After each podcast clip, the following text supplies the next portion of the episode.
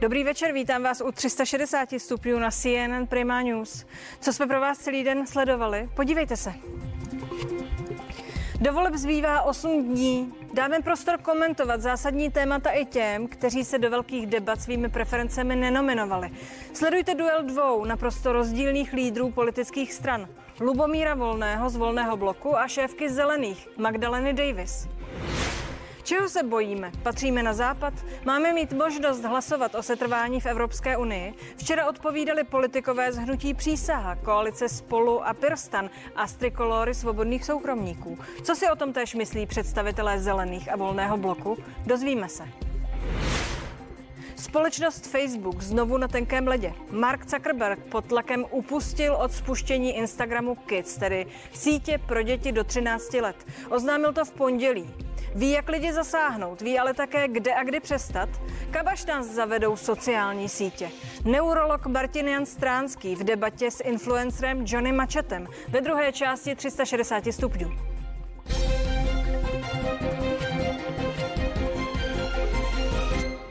Za zavřenými dveřmi se nám v Evropské unii dostává podpory od politiků. V exkluzivním rozhovoru pro CNN Prima News to řekl maďarský ministr zahraničí Péter Siarto. Ten včera doprovodil na návštěvě česká premiéra Viktora Orbána. Jehož postupy v otázkách bezpečnosti a migrace anebo LGBT komunity vyvolávají v Evropské unii hlasitý nesouhlas.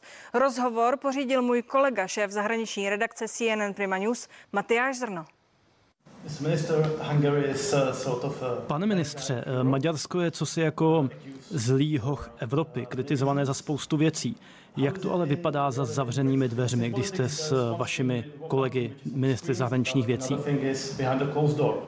Víte, jak to chodí. Věci, které se dějí za zavřenými dveřmi, jsou zcela odlišné od toho, co se vysílá. Mnozí kolegové, ministři zahraničních věcí, vyjadřují své sympatie s tím, co děláme, ale zároveň nám říkají, že bohužel nemohou dělat to samé, protože buď nemají dostatečnou politickou stabilitu kvůli velkým koalicím nebo menšinovým vládám, nebo se bojí nevládních organizací organizací a tlaku médií.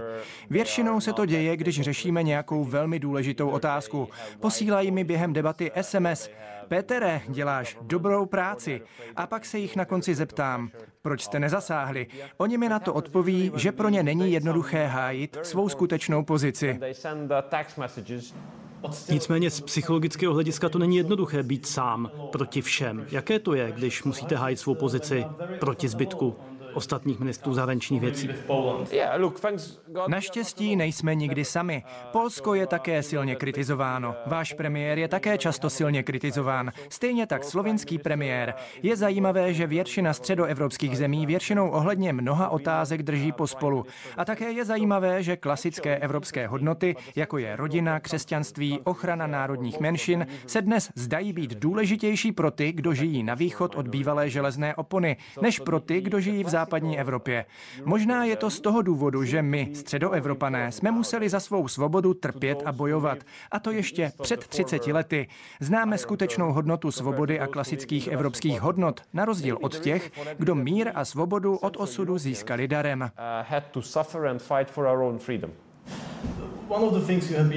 Jedna z věcí, za kterou bylo Maďarsko možná nejvíce kritizováno, byl přístup k migraci. To, jak v roce 2015 postavilo plot na hranici se Srbskem. Teď ale staví plot skoro všichni a málo kdo je kritizuje. Stalo se vám, že za vámi někdo z vašich kolegů přišel a řekl, eh, Podívej se, Pétere, možná jste tehdy nebyli tak špatní, možná to nebyl tak špatný nápad postavit plot? Naše profese není založena na uznání. Takové, řekněme, omluvy se vám nikdy nedostane. Nikdy nikdo neuzná, že ten druhý měl pravdu, i když na něj všichni útočili. Vzpomínám si na ty útoky. Byl jsem tehdy také ministrem zahraničí. Vzpomínám si, jak silně a tvrdě útočil lucemburský ministr zahraničí Jean Asselborn a jak teď hovoří o Polácích a Litevcích, kteří staví ploty. Najednou to není sprosté slovo building fence and not a bad word, not a bad word.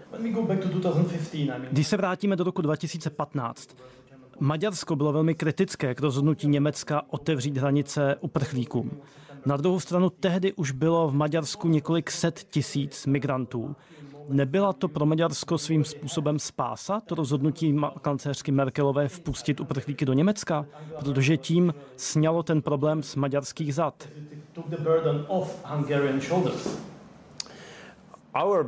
Náš problém s těmito prohlášeními byl takový, že byla vnímána tak, jako kdyby představovala pozvání pro všechny, kdo se z jakéhokoliv důvodu chtěli vydat na cestu. Všichni, kdo se tehdy objevili na naší jižní hranici, se považovali za Syřany, ale samozřejmě neměli žádné cestovní doklady. Tato prohlášení ale v podstatě vyzvala desítky a stovky tisíc lidí, aby se vydali na cestu. Tehdy nás zaplavilo 400 tisíc nelegálních migrantů. Pochodovali skrz naši zemi a nebrali žádný ohled na jaká jakákoliv pravidla, nařízení a podobně. Zabírali veřejná prostranství, blokovali dopravu na železnici a dálnicích. To byla naprosto šílená, nepřijatelná situace. Chovali se k Maďarům naprosto děsivě, i za bílého dne. Bylo to šílené.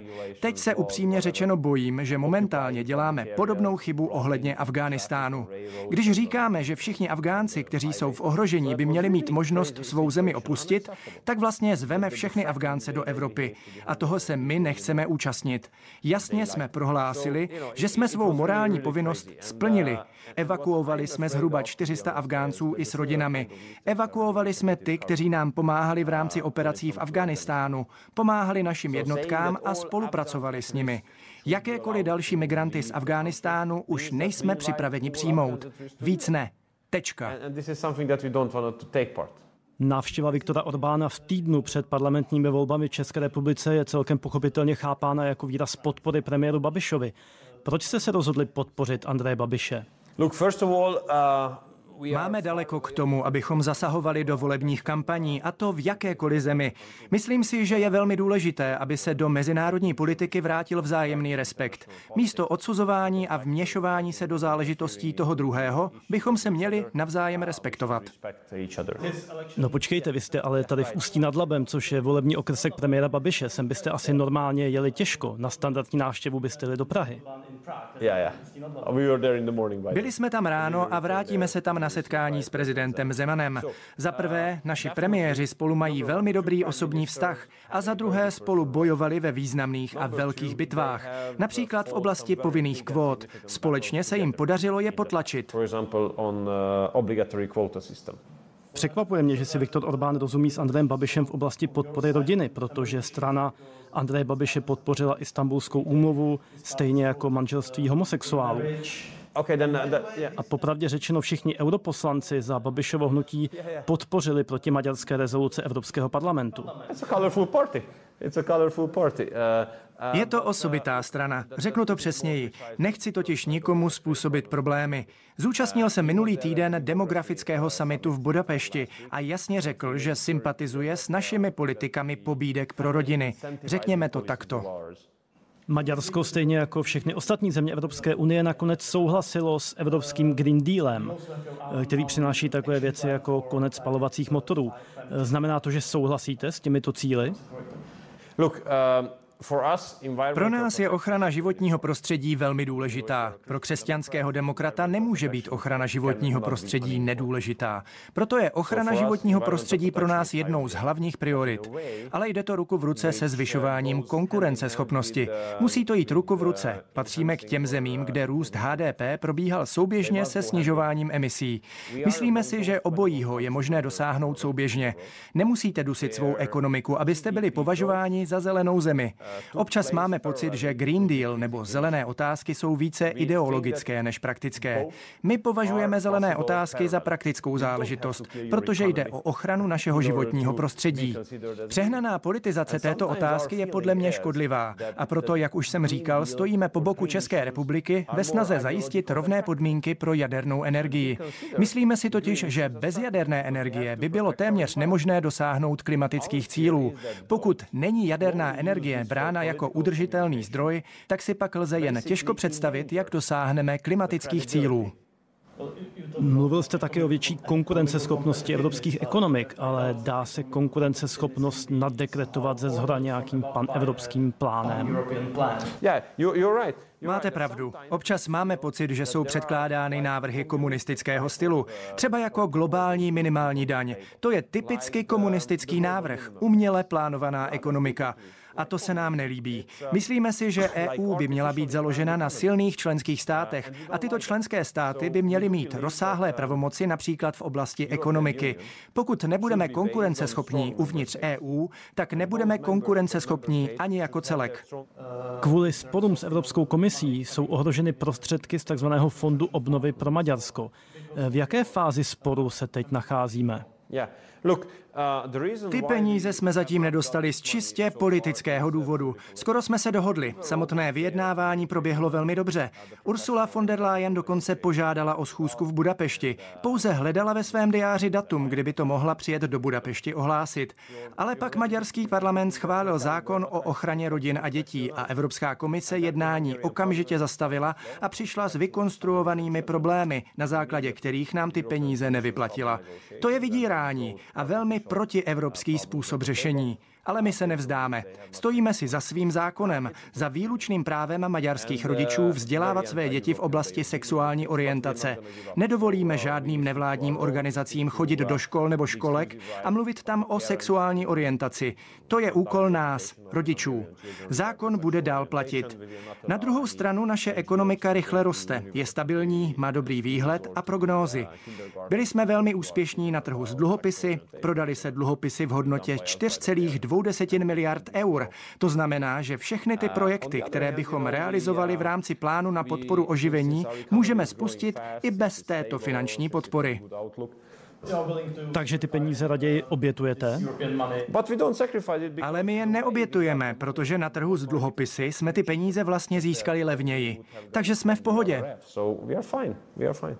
LGBT community. Eh, Změnil ten zákon nějak postavení LGBT menšiny v Maďarsku?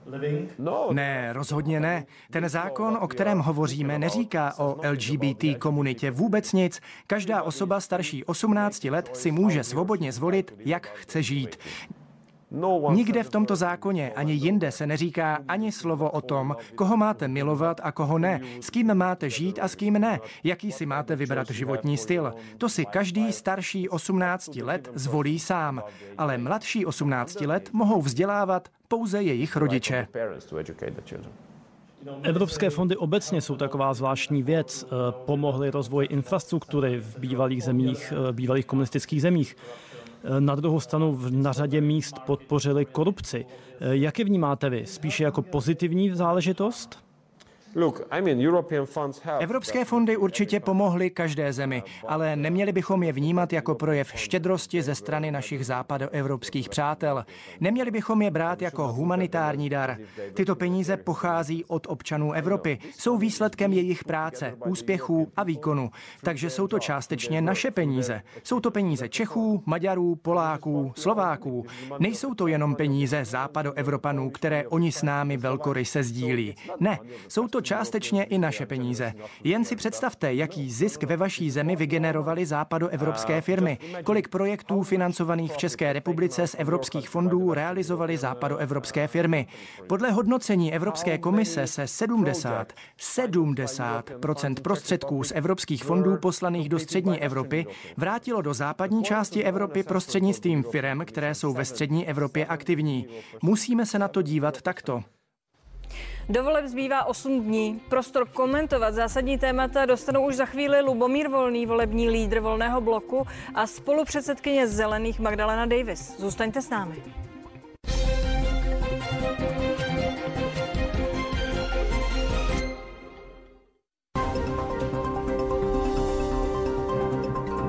Birel, prosím. Ahoj. Cože Birel? Snad neřídíš, nedrej partu. Nejsi nemocný?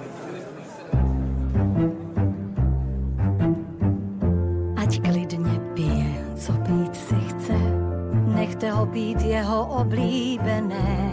Jel si dám. Dám si i já a není třeba žádná výmluva. Birel si dám. No jasně, dej si. Vlastně dva. Birel, chuť zážitků. Tento týden v Kauflandu potěšíme i Jitku. Nejenom pro ně jsme se společností Kofola připravili limonádu Kofola 2,25 litru za 19,90. Kaufland. Je fajn mít vše na míru. U nás máme investiční řešení pro každého. ČSOB. Jednoduše pro vás. Které produkty jsou nejlevnější? Ty levné? Ne. Ty levnější? Ne. Jedině ty, co jsou skutečně levnější. Od čtvrtka v Lidlu najdete kuřecí stehení řízky XXL v ceně 99,90 za 1 kilogram. Brambory konzumní pozdní 10 kg za 49,90 a cheddar za 37,90. Nejlepší kvalita za Lidl ceny.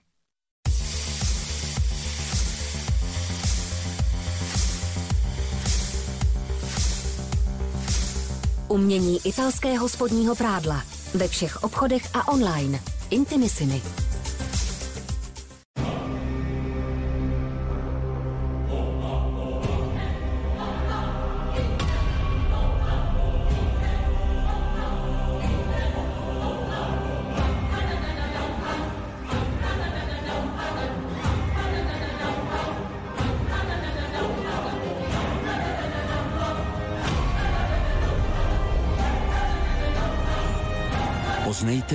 Vody s vápníkem.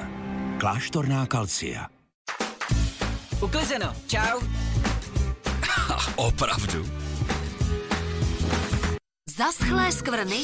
Důvěřujte novým Persil Discs s vylepšenou technologií Deep Clean Plus pro dokonalou čistotu a svěží vůni prádla. Nové Persil Discs. Udržujte mimo dosah dětí.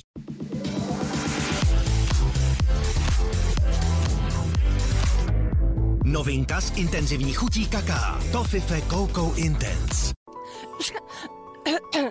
Katko, ty pracuješ na recepci ve zdravotním středisku. Jak to, že nejsi nemocná? Já se nachladím a jsem hned nemocná. Jak to děláš? Beru detritin. Detritin? Ano, pro lepší imunitu. Detritin pomáhá udržovat normální funkci imunitního systému. Žádejte v lékárnách. Jasně, mami. Jo, to víš, že jo. Zavolám brzy. Ať už se vám stane cokoliv, určitě oceníte rychlé vyzvednutí u nás v Datartu.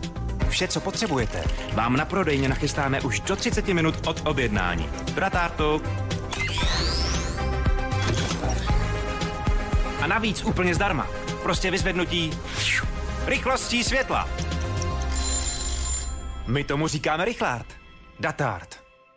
Věděli jste, že na pojištění auta přeplácí úplně zbytečně 70% z vás? Přitom ušetřit je tak snadné. Na srovnejto.cz najdete nejvýhodnější nabídky od všech dodavatelů. Průměrně vám tak v kapse zůstane 6200 korun a to už je důvod k radosti. Ušetřete také na srovnejto.cz.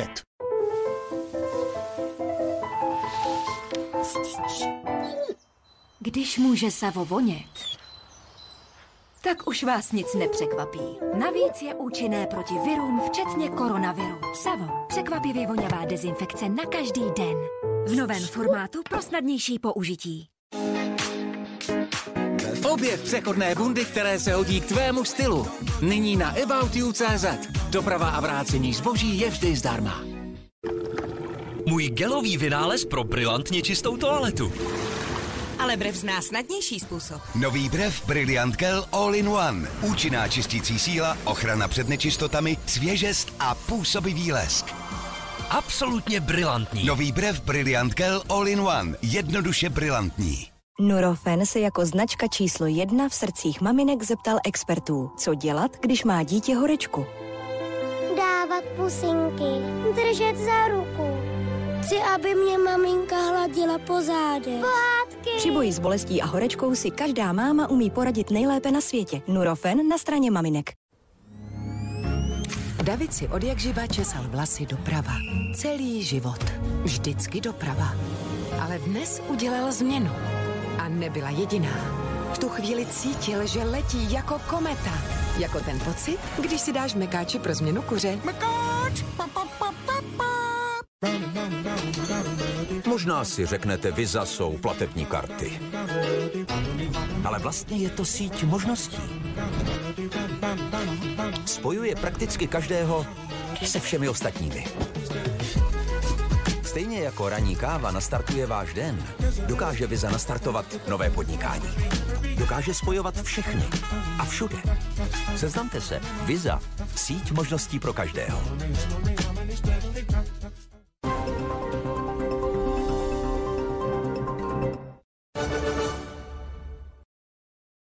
Matějovský.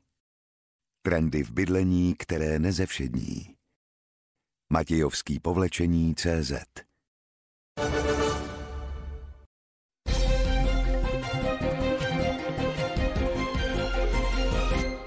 360 stupňů je zpátky, díky, že jste zůstali.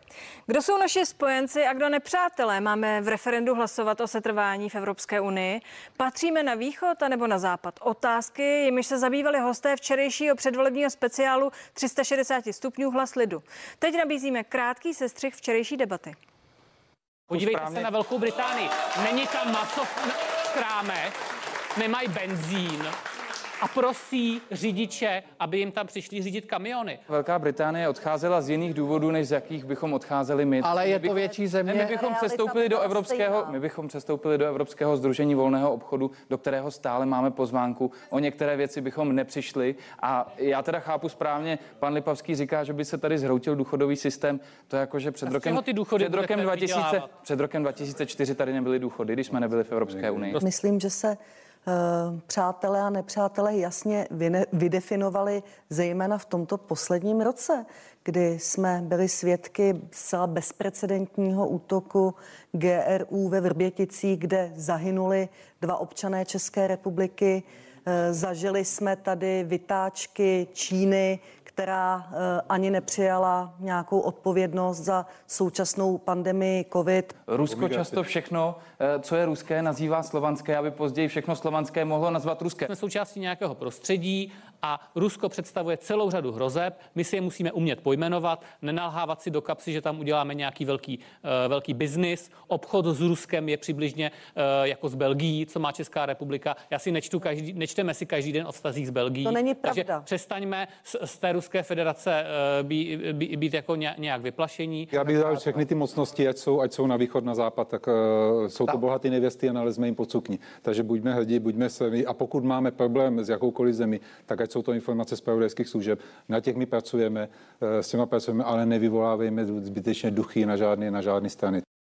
To byla včerejší debata, té dnešní se účastní Magdalena Davis, spolupředsedkyně Zelených. Dobrý večer, vítejte tu. Dobrý večer, děkuji za pozvání. A přišel také Lubomír Volný, lídr Volného bloku. Dobrý večer, díky, večer, že jste tu. za pozvání a zdravím i naše diváky. Paní Davis, s jakými názory byste do téhle debaty, kterou jsem vám tu odprezentovala, eh, se připojila vy? Tak já bych se rozhodně připojila s tím, že eh, my jsme součástí Evropské unie, měli bychom zůstat součástí Evropské unie a eh, stejně tak eh, na to. Já jsem poměrně dlouhou dobu, deset let žila v Austrálii, jsem si uvědomila, že ty mezinárodní vztahy jsou nesmírně důležité z hlediska spojenců. A ve chvíli, kdy jste malým státem, tak vlastně z té optiky mimo Evropu najednou zůsta- začínáte být úplně insignifikantní. A ve chvíli, kdy nejste součástí nějakého širšího bloku, a to je pro nás právě Evropská unie nebo NATO, tak by se nám velmi snadno mohlo stát, že kdybychom z těchto celků vypadli, tak se pak můžeme stát obětí úplně kohokoliv. Eh, v té debatě včera vystupovali Trikolora, Svobodní soukromníci, koalice Spolu, koalice Pirstan. Eh, byla tam paní eh, Černochová, která, jak jsem řekla, zastupovala koalici Spolu. Byli tam Svobodní soukromníci. Řekněte mi, s kterými těmi subjekty byste se vy podle vašeho programu spíše dlouhodobě shodovali? Ať tak, už jsou to tato témata či jiná. Tak my tu analýzu máme, takže my, my víme, že bychom se nejvíce shodovali vlastně s, s programem eh, Pirátů a stanu. Vynechala jsem hnutí přísaha, eh, byl tam pan eh, Šlachta, jak jsme viděli. Pane Volný, mluvili jsme včera o migraci a bezpečnosti. Na návštěvě mimochodem byl včera maďarský premiér Viktor Orbán. Jsou z vašeho hlediska migrace a bezpečnost taháky té letošní kampaně?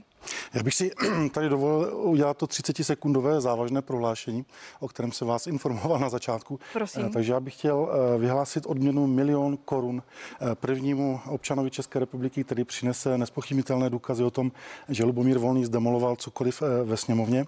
A pokud tento důkaz bude poskytnut, tak já také složím poslanecký mandát, stáhnu se z kandidátky volného bloku a stáhnu se i z veřejného prostoru. Děkuji. Děkuji, to nebyla nic to... Teď mi odpověste. Je to, je to to téma, které voliče zajímá? Pochopitelně, že toto je téma, které voliče zajímá, protože ta imigrační krize skončila na chviličku nebo neskončila nikdy, má krátkou přestávku právě díky odvážnému zásahu pana Orbána Maďarska, kteří jako první postavili plot na hranici Evropské unie, čímž tu Evropskou unii zachránili před milionem, možná dvěma, možná třema nelegálních imigrantů a v té době za to byl pan Orbán velice kritizován právě tou Evropskou unii a v současné době Litva, Lotyšsko si staví tyto ploty na své vlastní hranici a je v tom dokonce Evropskou unii podporováno. Takže za mě osobně Orbánovo rozhodnutí bylo správné, byla to správná cesta. I proto já jsem vždycky Orbánovu politiku tady v tomto podporoval a když jsem měl možnost stát se eh, předsedou eh, meziparlamentní, eh, meziparlamentní skupiny Česko-Maďarsko, tak jsem to velice rád přijal. Jenom technickou podotázku. Asi třikrát jste použil jméno pana Orbána, ten ale přijel nějakým způsobem lidsky podpořit Andreje Babiše. Není to to téma, které vlastně teď řeší všichni a převzalo ho ano, mimochodem. No tak ano, a vy jste ano, teď druzí? My druzí nejsme, protože my jsme pana Orbána podporovali celou dobu. Kdyby byl uh, pan Babiš skutečně kamarádem pana Orbána, tak by zítra svolal vládu a odvolal by, uh, odvolal by uh, paní Jourovou, která se snaží o to, aby Maďarsko no, získalo tak pan status. Babiš je kamarádem pana Orbána, možná, ale především je premiér České republiky a kdyby tuhle byl, věc zkrátka byl, a dobře kdyby byl, udělat. Kdyby byl skutečně kamarádem nemůže. a kdyby měli skutečně přátelské vztahy, tak by prostě paní Jourovou odvolal, což uděláme my v okamžiku, kdy vyhrajeme volby. Já se jenom zeptám, proč tedy přijel podpořit zrovna pana premiéra, když no, tedy naznačujete, že není skutečný kamarád? Eh, já myslím, že to eh, skvěle odpověděl ministr zahraničí Maďarska v tom krátkém klipu, který jste eh, pouštěli před tímto vystoupením.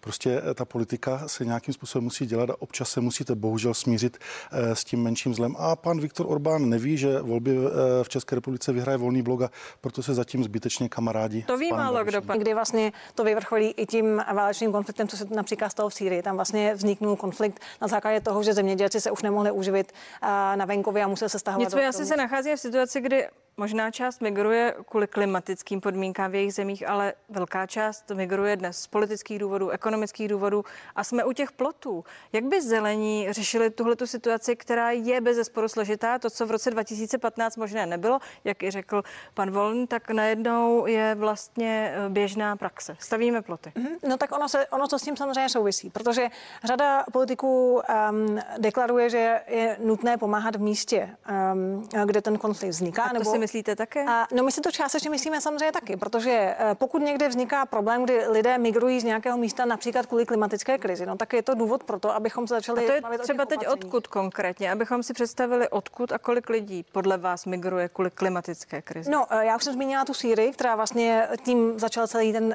konflikt uh, válečný, ale je to jako hrozně zajímavá uh, analýza, o které třeba mluví dlouhodobě Václav Cílek, a to je migrace z Afriky, protože ta je, a to, to jsme bohužel sledovali v přímém přenosu na mnoha místech i ve středozemí, a ta je jednoznačně. No a co s těmi migranty? Má Evropa na to, aby je přijala, uživila, integrovala?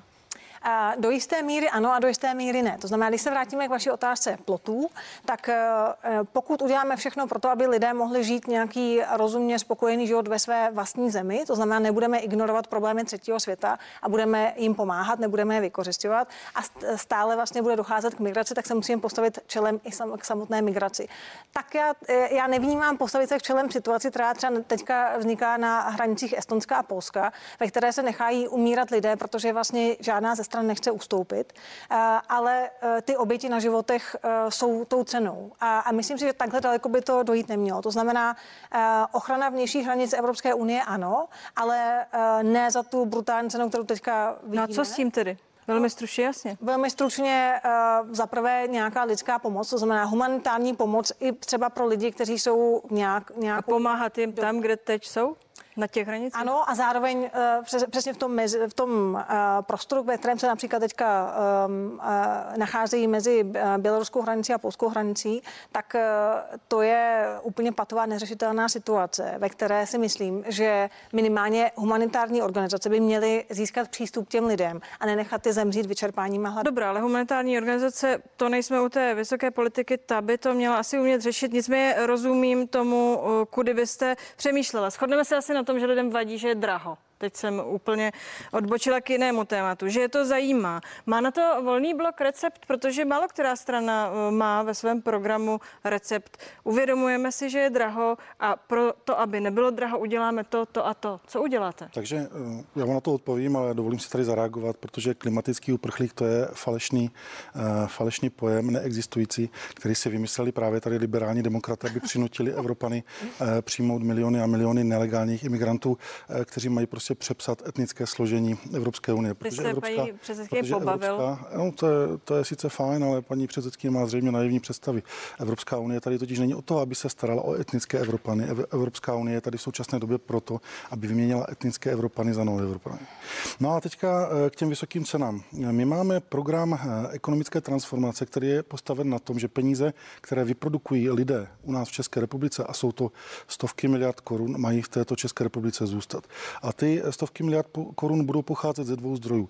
Eh, jeden je eh, škrt všech eh, daňových výhod, kromě slev na poplatníka a slev na dítě, což přinese zhruba 330 miliard korun. To málo kdo v České republice ví, že my vyprodukujeme pro ty korporáty nadnárodní 330 miliard korun, které oni si odvezou na základě daňových výjimek u tak extrémně složitých daňových systémů, jako máme my. Takže Dobrá, to je jedna zatímco, cesta a dál. Druhá cesta je, že díky tomu, že také progresivně se postaráme o motivaci motivaci těch nadnárodních eh, koncernů, aby nevyvážili dalších 200 až 300 miliard korun ročně eh, na dividendách, tak ty peníze půjdou do ekonomiky.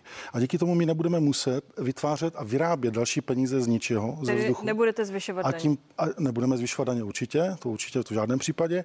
A díky tomu, že ty peníze budou investovány do ekonomiky, tak poroste kupní síla koruny, protože my nebudeme vytvářet nové neexistující peníze nějakými dluhy, tak jak to plánuje současná, současná vláda i většina těch, kteří by eh, vládnout chtěli. Co letos osloví voliče podle vás nejvíc? Je to tohle téma? Myslíte, jestli se budou nebo nebudou zvyšovat daně? Jestli zkrátka dobře bude dál draho. Jestli to budou mít z čeho zaplatit. Já si myslím, že to je uh, naprosto klíčové téma pro voliče. Pak se tedy ptám, budete zvyšovat daně? Uh, a zároveň, uh, ještě jenom dořeknu, uh, většina lidí už tím vlastně počítá. Teď, když jsem se dívala na nějaké průzkumy, tak eh, jsem viděla, že většina Čechů eh, se připravuje na to, že ceny se budou zdražovat. A to si myslím, že je velmi realistický přístup k tomu, co se skutečně bude dít.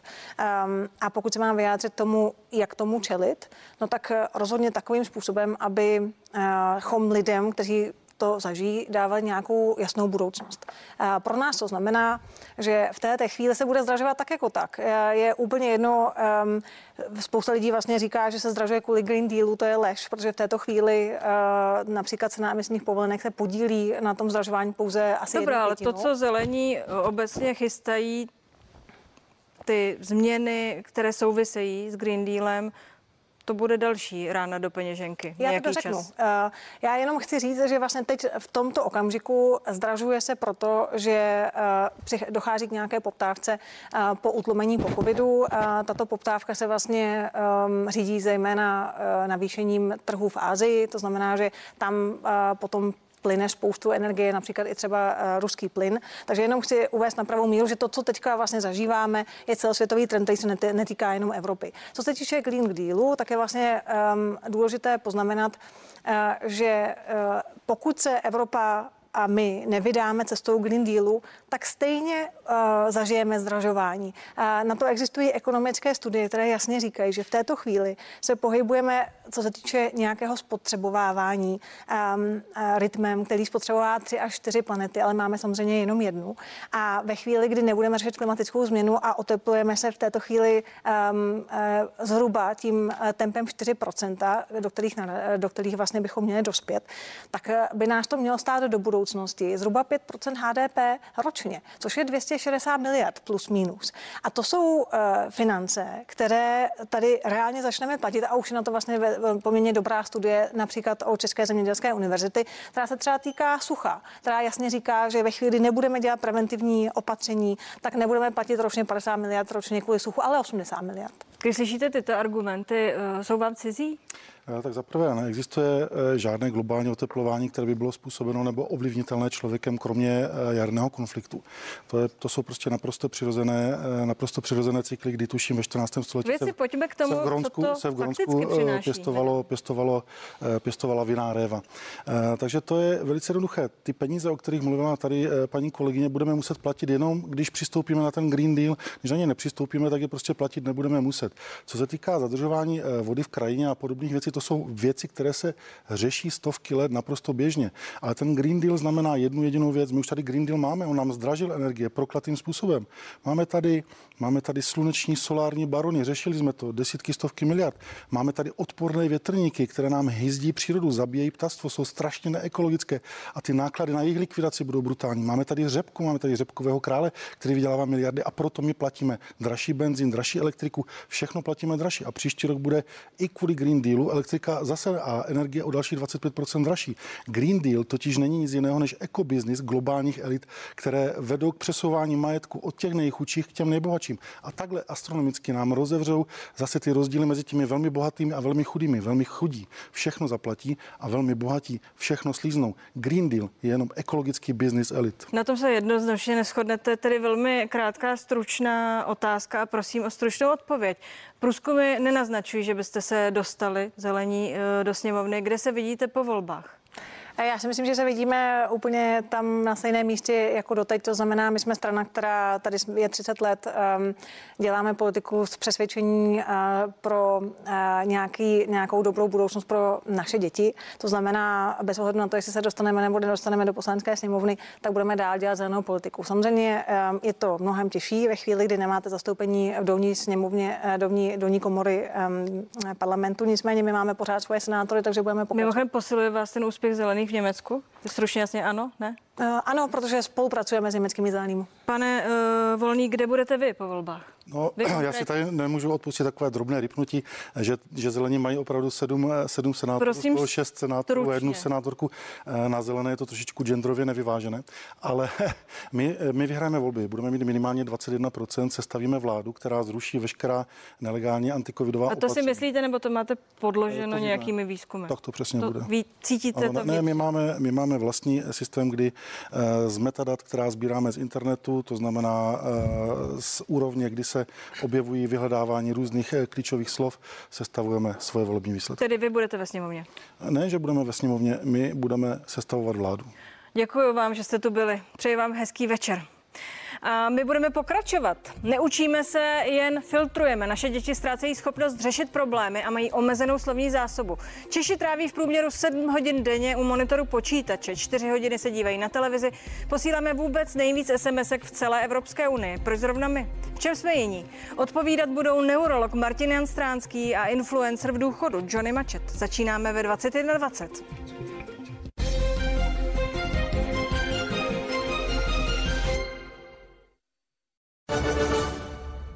Rodinný lihovár Anton Kápl.